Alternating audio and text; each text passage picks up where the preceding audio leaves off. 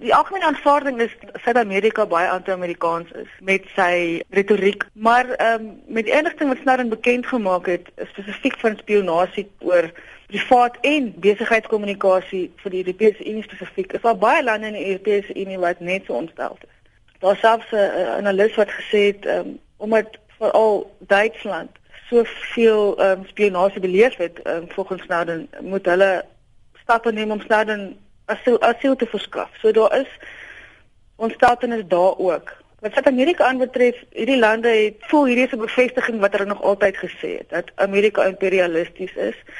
Hulle wil almal afdwing en wil hê almal moet doen wat hulle sê.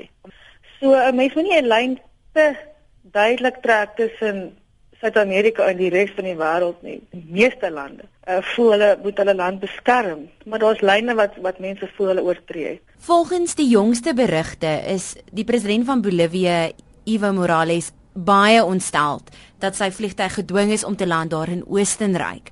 Wat het daartoe gelei dat die FSA sal dink dat Snowden dalk aan boord van hierdie vlug is en watter implikasies het dit? Snowden het die wêreld op hol gejaag. Hy het by 21 lande asielaansoeke ingedien. 'n Klomp het nou al gesê nee en onder andere Brasilië wat Suid-Amerikaanse land is. Ecuador het nee gesê.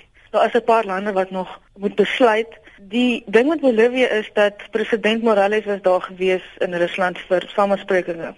Hy Dinsdag terwyl hy daar was in 'n toespraak gesê dat dat dat Snowden die wêreld 'n baie groot guns gedoen het en dat hy hom geprys het vir die uitgelekte inligting. En toe hy terugvlieg, was Amerika bang dat Snowden op die vliegtuig geklim het. Dat hy in, in, in Oostenryk geland het. Daar's lande tussenin wat geweier het dat hulle daar land, Europese lande, want hulle was bang dan sit hulle met Snowden as hy op die vliegtuig is. 'n Aksie van die FSA uit desperaatheid en Snowden was nie die vliegtuig nie.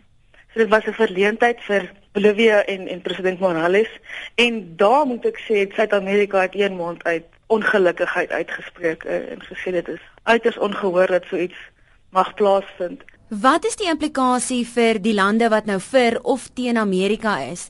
Gaan dit dalk in die lange duur 'n groter impak hê en selfs moontlik handelsbetrekkinge met die FSA eerder versuur of bevoordeel?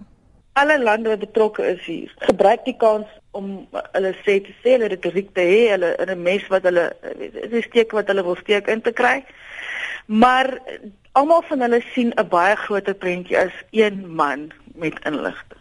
Die verhoudinge, die handelsooreenkomste. So ek kan nie dink dat dit 'n permanente skade gaan doen wat nie oorkom kan word in die toekoms.